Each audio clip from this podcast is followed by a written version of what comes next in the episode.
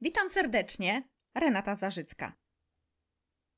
Zapraszam Cię do podcastu o uniwersalnym kontrolerze w naszym organizmie.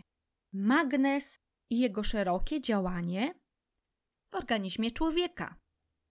Tematem tego podcastu przede wszystkim jest osteoporoza, kamica nerkowa, epilepsja, czyli padaczka, oraz dlaczego nasze zęby mogą się kruszyć, jak temu zapobiegać i dlaczego dzieci miewają próchnicę. O czym będę mówiła? Jaki jest wpływ magnezu na odporność człowieka? Czy jest to antyoksydant i ma jakiś związek ze starzeniem się organizmu? Czy może nie? Czy ma jakiś wpływ na nasze organy? I jeśli jego jest brak, to co może nam się wydarzyć? Jeśli tak, to w jaki sposób magnez działa na nasz organizm? Czy jest ważny dla naszego umysłu, dla naszego mózgu, dla naszego układu nerwowego? Postaram się odpowiedzieć na wszystkie te pytania, a na koniec dodam jeszcze informację, w jakiej żywności możemy znaleźć najwięcej magnezu. Współcześnie bardzo dużo mówi się o takim kompleksie witamina K, wapń i witamina D. Niekiedy niestety zapomina się o tym, że w tym kompleksie magnez ma również istotną rolę. Ważne jest zachowanie odpowiednich proporcji między wapniem a magnezem 2 do 1. Zbyt dużo wapnia przy niewystarczającej ilości magnezu sprzyja zwiększaniu się w naczyniach krzepliwości krwi, co może z kolei prowadzić do udaru mózgu i zawału serca. Może również to prowadzić do utrudnionego transportu składników odżywczych do komórek, tlenu, minerałów, witamin, kolagenu, a co za tym idzie do utrudnienia budowy naszego kośćca okostnej, stawów biodrowych, kolanowych, łokciowych, wszystkich stawów, ponieważ tam jest bardzo dużo kolagenu i zębów. Ważne jest, aby naszym dzieciom dostarczać duże ilości tych składników w diecie, w pożywieniu, a jeżeli nie mamy pewności, że dostarczamy odpowiednią ilość tych składników, podajmy suplementy. Jeżeli mówimy o stosowaniu nadmiernej ilości wapnia z witaminą D, trzeba zwrócić uwagę na to, że mogą one tworzyć efekt piasku w nerkach, względnie kamienie nerkowe. Na tym tle niespodzianką jest raport czterech francuskich uczonych z kliniki urologicznej w Paryżu, którzy z całą pewnością i z entuzjazmem zakomunikowali światu o dobroczynnym działaniu magnezu w zapobieganiu tworzenia się kamicy nerkowej. Działanie magnezu na tworzenie się kryształów szczawianu wapnia, będących przyczyną kamicy nerkowej, badali francuscy uczeni najpierw eksperymentalnie w próbówce, dochodząc do wniosku, że w ciągu trzech minut, zaledwie trzech minut, potrafi się nieraz utworzyć 100 do 200 mikrokryształów. Jednak kiedy podamy sole magnezowe do mieszaniny chlorku wapnia z kwasem szczawiowym, to nie ukaże się ani jeden kryształek. W jaki sposób mogą powstawać kwasy szczawiowe? Otóż możemy pić nadmiar herbaty, względnie mieć w organizmie toksemię, w wyniku której organizm pobiera wapń z zębów i z kości w celu neutralizacji toksyn. I już mamy skłonność do tworzenia się szczawianów wapnia. Następnie badania zrobiono na szczurach, a na końcu próbowano w ten sposób leczyć pacjentów z kamicą nerkową. Podawano im dziennie około 300 mg magnezu na 50 kg masy ciała lub oczywiście więcej względnie masy ciała i otrzymywano również doskonałe rezultaty. Badania rentgenowskie w tamtych czasach wykazały, że kamienie znikały częściowo lub całkowicie, względnie zamieniały się w piasek wydalany z moczem w postaci białego mleka lub takich skrzepów białych widocznych w moczu. Następnie wielu lekarzy na całym świecie wypróbowało tę metodę i doszli do wniosku, że najlepsze wyniki otrzymuje się podając około 300 mg magnezu dziennie na 50 kg masy ciała, ale też dodając witaminy z grupy B, a szczególnie B6 w ilości około 10 mg. Statystycznie około 89% pacjentów z chroniczną tendencją do powstawania piasku i kamieni szawianu, wapnia można wyleczyć zupełnie w prosty sposób, jeśli zażywają magnez. Taka kuracja nieraz może trwać nawet 4 do 6 lat. Kuracja ta wymaga dużej cierpliwości. Jeżeli dodamy chlorofil, możemy efekt ten uzyskać znacznie szybciej. Jeśli dodamy beta-karoten i kompleks witamin z grupy B, efekt ten możemy uzyskać już w ciągu kilku miesięcy do roku czasu. Kuracja ta jest stosunkowo tania i oszczędza nasze zdrowie. Unikamy operacji i utraty zdrowej nerki, w której jest kamień do rozpuszczenia. Kuracja ta jest dobrze znoszona, dlatego że są to składniki niezbędne dla naszego zdrowia, magnez, kompleks B, beta-karoten, które nie dość, że chronią inne narządy, regenerują je, to jeszcze chronią nas przed wieloma innymi chorobami. Nie mają przy tym żadnych skutków ubocznych. I w końcu niemal zawsze według lekarzy, według uczonych, dają doskonałe rezultaty. Uwaga, bądź cierpliwy, rozpuszczaj kamienie nerkowe. Zespół chorób metabolicznych ma podłoże kwasicy metabolicznej, w pewnym sensie toksemii, a w toksynach znajduje się masę wolnych rodników. Ten zespół chorób metabolicznych to jest ogromna rzesza chorób i jak sama nazwa wskazuje zespół, mówi przynajmniej o dwóch chorobach metabolicznych połączonych razem ze sobą. Może ich być 3, 4, 5, ale nie jedna. Jest to na przykład miażdżyca i cukrzyca. Jedna i druga należą do zespołu chorób metabolicznych. Otyłość, ale również osteoporoza, która również w uzdrawianiu oprócz wapnia i witaminy D potrzebuje dużych ilości magnezu. Pamiętaj, że magnez stosujemy w stosunku do wapnia 1 do 2, a inaczej wapń do magnezu 2 do 1.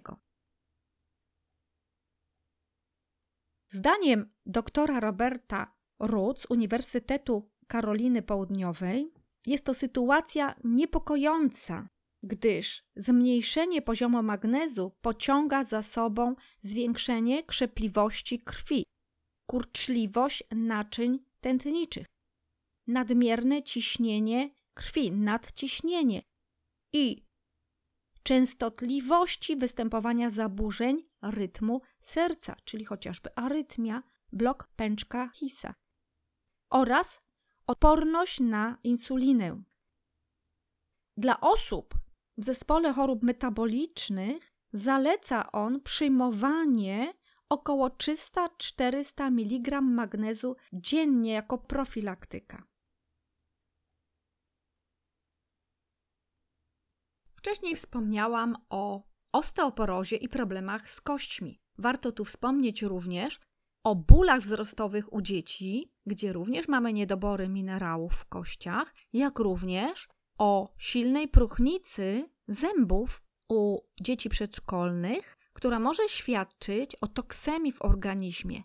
Toksemia powoduje wyczerpanie minerałów, ponieważ organizm chce zneutralizować toksyny i wolne rodniki i w procesie ochrony siebie, w procesie ratunkowym pobiera zasoby minerałów z organizmu, w tym wapń, magnez, selen, cynk.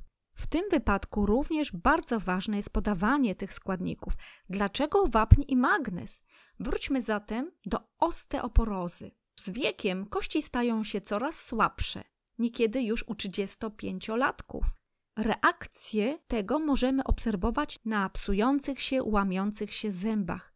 Niekiedy proces ten zaczyna się już w wieku nastoletnim. Dlatego, aby temu zapobiec, trzeba dodatkowo przyjmować odpowiednie minerały. Większość osób kościec i zęby kojarzy z wapniem i z witaminą D.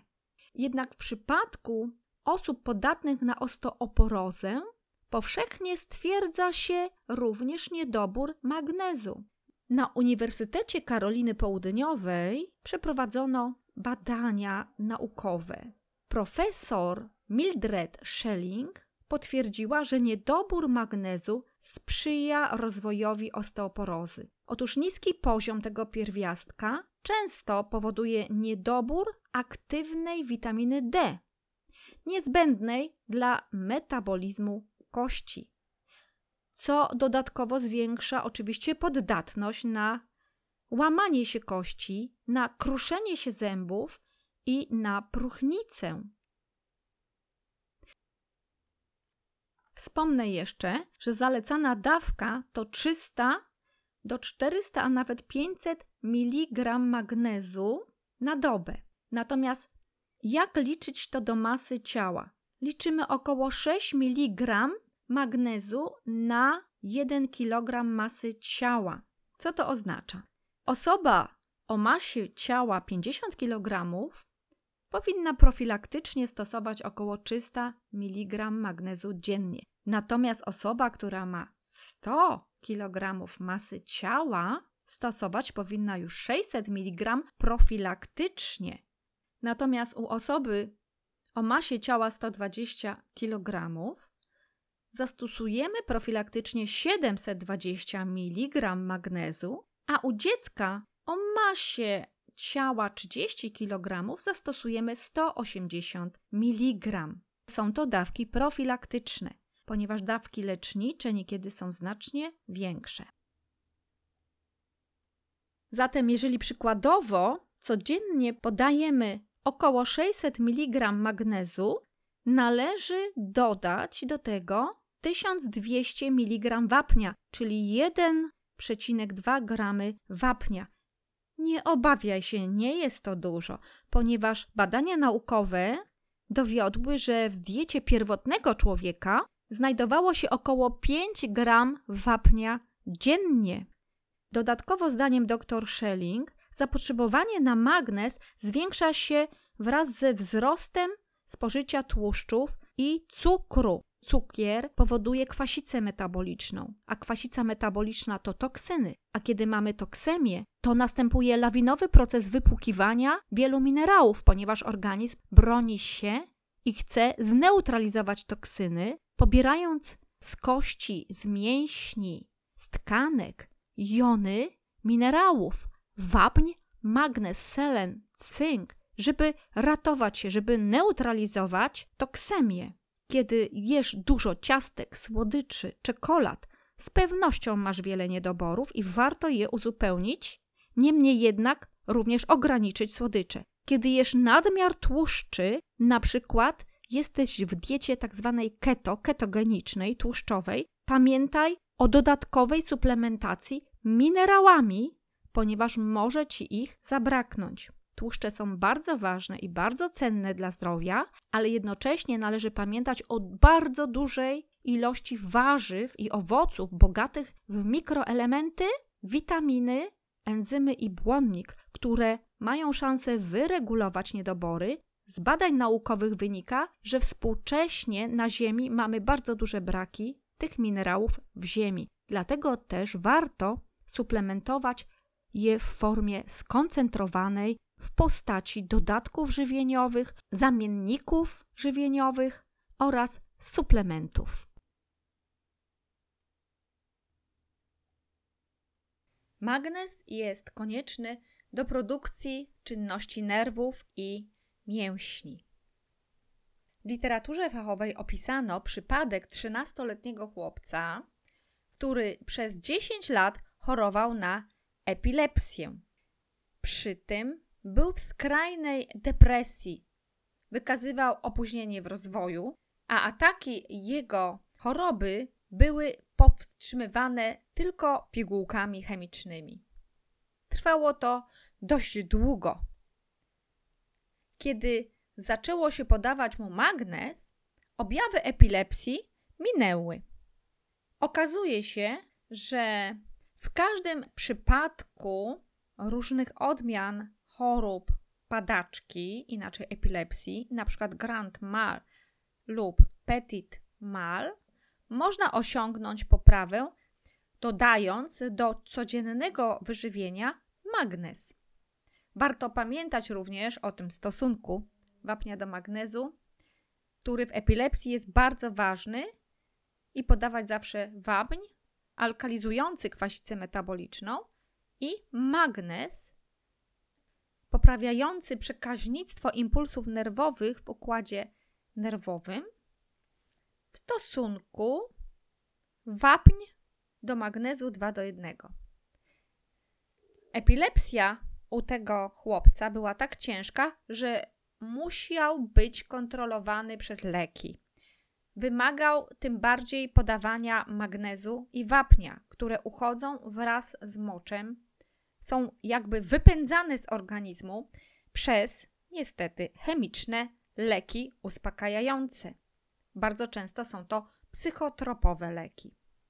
Trzeba zatem podawać choremu dużo, dużo magnezu.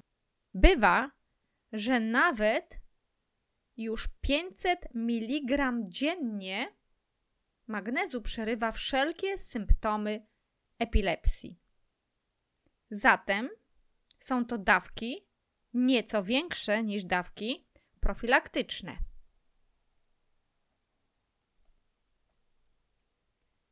W tym miejscu warto wspomnieć, iż wrogami magnezu w naszym organizmie są tabletki psychotropowe, moczopędne i alkohol, jak również nadmiar tłuszczu, duże ilości w diecie cukru, mocna kawa, mocna herbata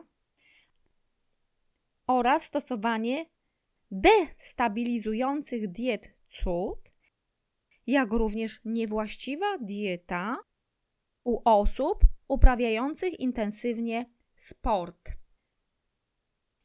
Na nieracjonalne żywienie sportowców wielokrotnie zwracał uwagę profesor Światosław Ziemiański z Instytutu Żywienia i Żywności, w tym również na potrzebę utrzymywania równowagi wodno-elektrolitowej.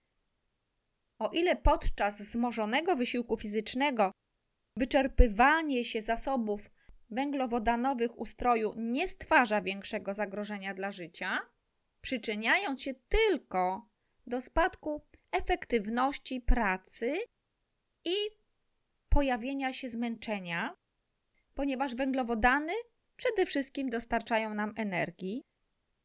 O tyle zaburzenia równowagi wodno-elektrolitowej organizmu mogą być niebezpieczne dla zdrowia. Przyjmowanie płynów podczas znacznego obciążenia pracą mięśniową ma na celu nie tylko wyrównanie niedoborów wody, ale także uzupełnienie elektrolitów. I bardzo ważne jest, aby płyny te były dość bogate w elektrolity, aby zawierały odpowiednie ilości jonów magnezu. Ważny jest też stosunek wapnia do magnezu.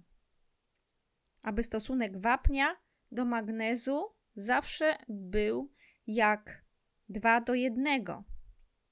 Są niektóre wody mineralne, które zachowują ten stosunek wapnia do magnezu lub jest on bardzo zbliżony do 2 do 1.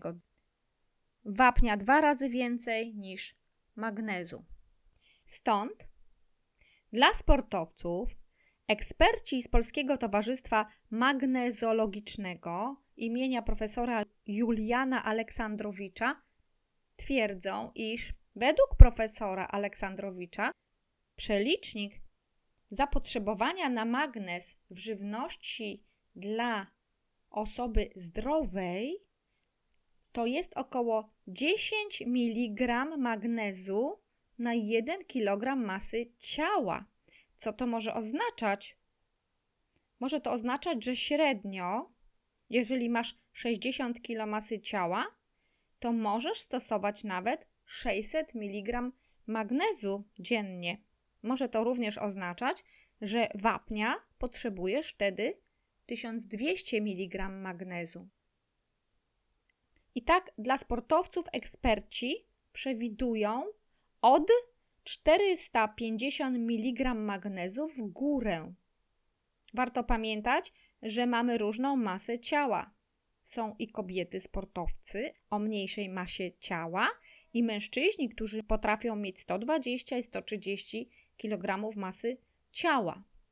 Dla kobiet w ciąży i kobiet karmiących piersią ta dawka również będzie bardzo dobra, czyli stosujemy magnez od 450 mg magnezu w górę, czyli możemy nawet 600 mg magnezu stosować, plus drugie tyle wapnia.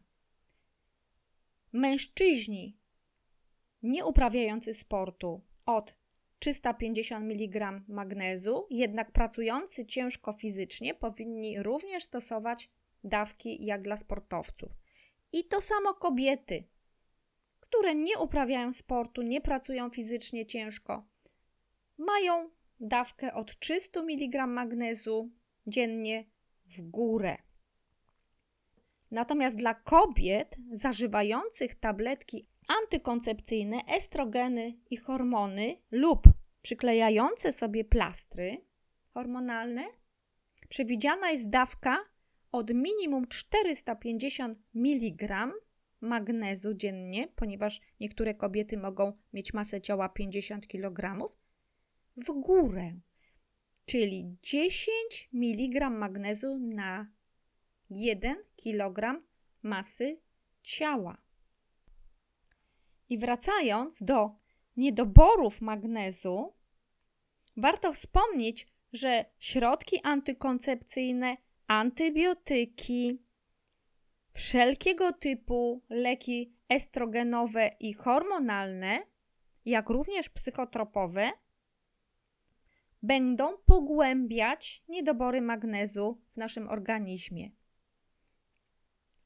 Niedobory magnezu mogą być również wywoływane stanami chorobowymi, takimi jak przedłużająca się biegunka, rozwolnienie lub inne obciążenie pasożytnicze lub infekcje bakteryjne, grzybicze, które utrudniają przyswajalność magnezu w organizmie. Efektem niedoboru magnezu mogą być na przykład nadpobudliwość nerwowo-mięśniowa, brak koncentracji, brak pamięci, zaniki pamięci, skurcze mięśni, bóle serca, bóle głowy, migreny, szybkie bicie serca, kołatanie, arytmia, wysoki puls serca, nadciśnienie. Uwaga, zmniejszony apetyt, wymioty, biegunki, osłabienie różnego typu, drżenie mięśni, omdlenia i zaburzenia elektrolitów w organizmie. Gdzie możemy w żywności znaleźć magnez? Źródłem magnezu są oleiste ziarna, kasza i mąka gryczana różnego typu warzywa. Jabłka, malina i wiśnie mąka razowa, kakao, lucerna siewna, lubczyk, mięta pieprzowa, zielona pietruszka, malina, mniszek lekarski, kminek, majeranek, różnego typu przyprawy, kolendra i twarda woda pitna lub specjalne wody mineralne. Magnez zawarty jest również w chlorofilu roślin. Jest go tam około 2,7%. Magnez pochodzący ze źródeł roślinnych występuje w postaci tzw. Tak soli kwasu fitynowego. Sole te są dość trudno rozpuszczalne, z tego powodu również słabo wykorzystywane w organizmie. Zatem, aby poprawić wchłanialność magnezu, dobrze jest zielone części roślin, różnego typu sałatki, jarmuż, pietruszkę, koperek, zielone części selera, lubczyk, czosnek niedźwiedzi, oregano i inne, skrapiać odrobiną cytryny lub octu jabłkowego. Wtedy poprawiamy zakwaszenie w żołądku i wszystkie składniki, w tym mineralne, znacznie lepiej wchłaniane są przez nasz organizm. Czy można przedawkować magnez? Jest to sytuacja niemal prawie niemożliwa. Jeśli magnez pochodzi wyłącznie z naturalnych źródeł pokarmowych lub z dobrej jakości zamienników posiłków, odżywek, względnie suplementów, powinien on być w stosunku do wapnia w odpowiedniej proporcji. Może też być razem z kompleksem witamin z grupy B, szczególnie kiedy zawierają one B6. Sytuacja przedawkowania może mieć miejsce wyłącznie przy stosowaniu specjalnych preparatów skomponowanych na bazie minerałów, w tym również magnezu o chemicznych związkach. Nadmierne spożywanie dawek magnezu, zapisywanych przez lekarza lub branych samodzielnie, np. na stres, na depresję, na nerwice, na lęki, może powodować nieprawidłowe funkcjonowanie nerek. Może również pogarszać stan przewodu pokarmowego i zaburzać gospodarkę elektrolitową w organizmie. Zatem warto zawsze pamiętać o podawaniu magnezu wraz z wapniem. Na tym zakończyłabym tę część. Zapraszam serdecznie do kolejnej części na temat roli magnezu w naszym organizmie jako uniwersalny kontroler wszystkich funkcji biochemicznych. W kolejnych odcinkach będziemy mówić o stanach zapalnych, jaką rolę ma w nich magnez, o alergii, atopowym zapaleniu skóry, o astmie, chorobach psychosomatycznych i jak im zapobiegać. Będziemy mówić również o chorobach metabolicznych oraz jak działa magnez na odporność, jak działa na nasze komórki, jak wspomaga zapobieganie toksemii, rozpadowi komórek i nieprzyjemnemu zapachu ciała, a także czy może on zapobiegać procesom nowotworowym i białaczkom? Ja się już z Wami żegnam. Serdecznie dziękuję za wysłuchanie. Renata Zarzycka. Do usłyszenia w następnych podcastach.